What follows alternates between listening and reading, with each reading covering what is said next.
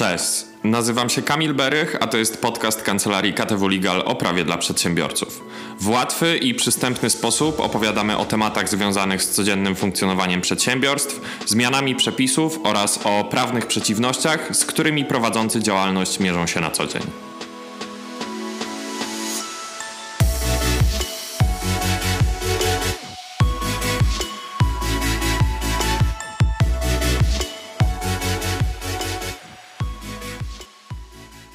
Dzisiaj porozmawiamy o podnajmie. Porozmawiamy o tym, czym jest podnajem, o czym należy pamiętać podnajmując jakąś rzecz lub mieszkanie oraz jak skonstruować dobrą umowę podnajmu.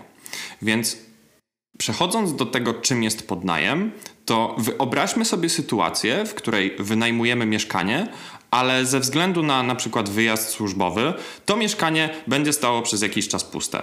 No i żeby nie płacić za to mieszkanie, w którym de facto nie mieszkamy, możemy je podnająć innej osobie.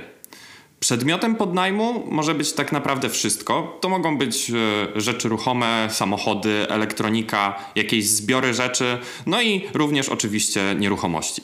Szczególnie popularne ostatnio stały się przedsiębiorstwa, które zajmują się podnajmem mieszkań, które w dużych miastach wynajmują mieszkania, potem dzielą je na pokoje i wynajmują osobne pokoje, głównie studentom lub osobom pracującym. Jest to całkiem dobre narzędzie do zarabiania na nieruchomościach bez dużych inwestycji. Podnajem to umowa, która jest podpisywana pomiędzy najemcą i podmiotem trzecim, którego dalej będziemy nazywać podnajemcą.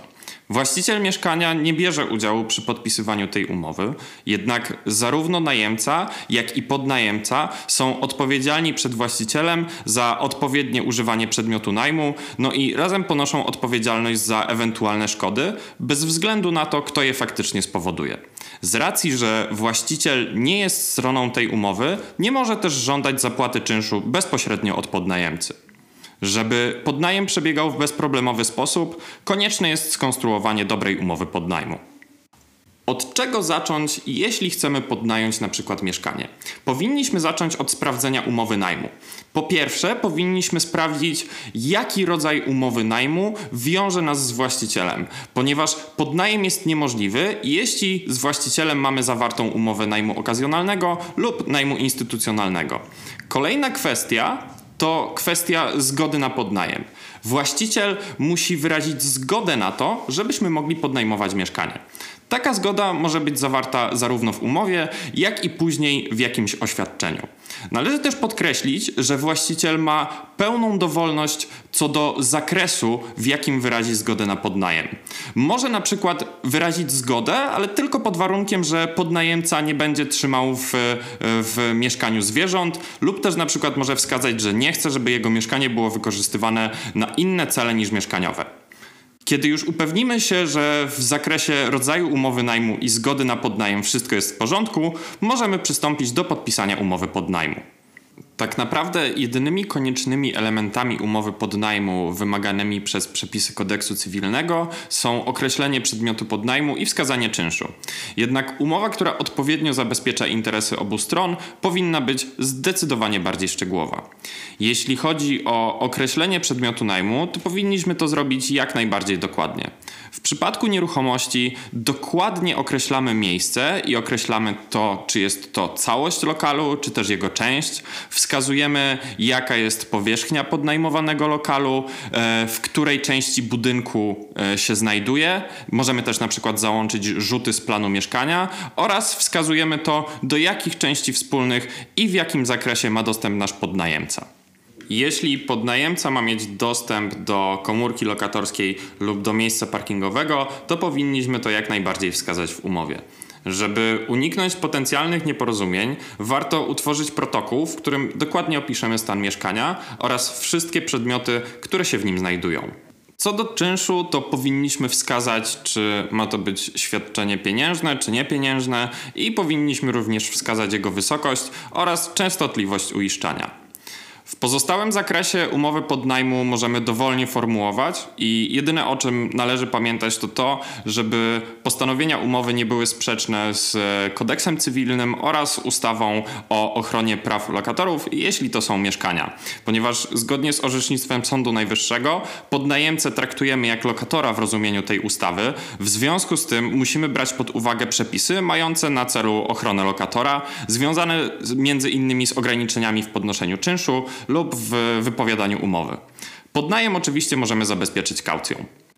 Warto też pamiętać, że z użytkowaniem przedmiotu podnajmu często wiążą się dodatkowe opłaty.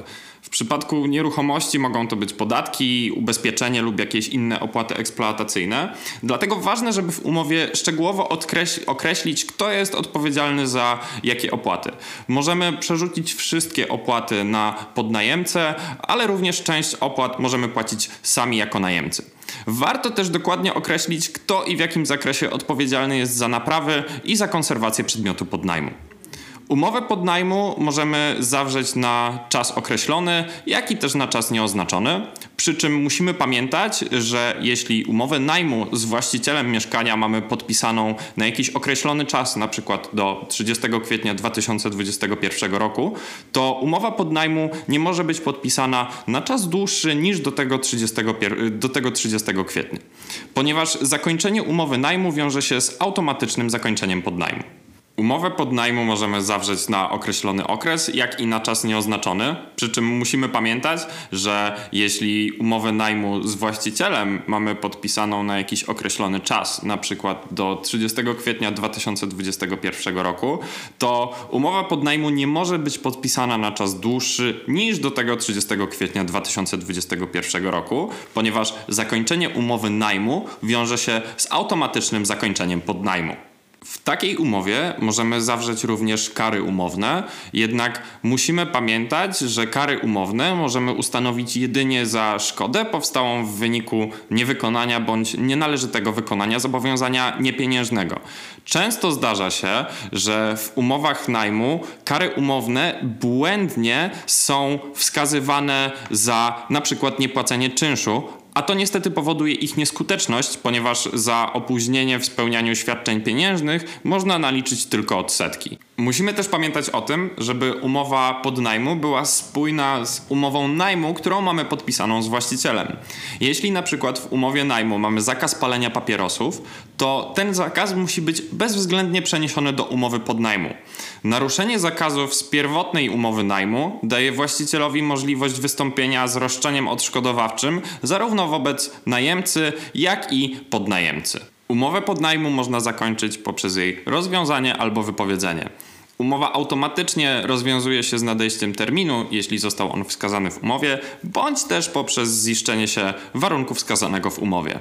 Przy podnajmie mieszkania umowę możemy wypowiedzieć tylko w przypadkach wskazanych w ustawie o ochronie praw lokatorów, czyli na przykład gdy podnajemca narusza jakieś postanowienia wskazane w umowie, na przykład nie płaci czynszu, używa mieszkania niezgodnie z jego przeznaczeniem lub doprowadził do powstania jakiejś szkody w mieszkaniu.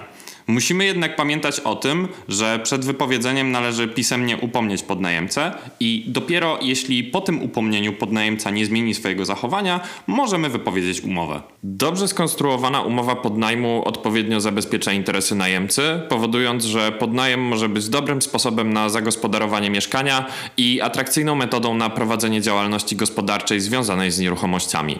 W tworzeniu takiej umowy oraz we wszystkich pozostałych aspektach związanych z podnajmem pomogą pomogą Wam specjaliści kancelarii KTW Legal. To był podcast kancelarii KTW Legal. Więcej o prawie dla przedsiębiorców możesz znaleźć na stronie internetowej www.ktw.legal oraz na naszych fanpage'ach na Facebooku i na LinkedInie. Zapraszamy.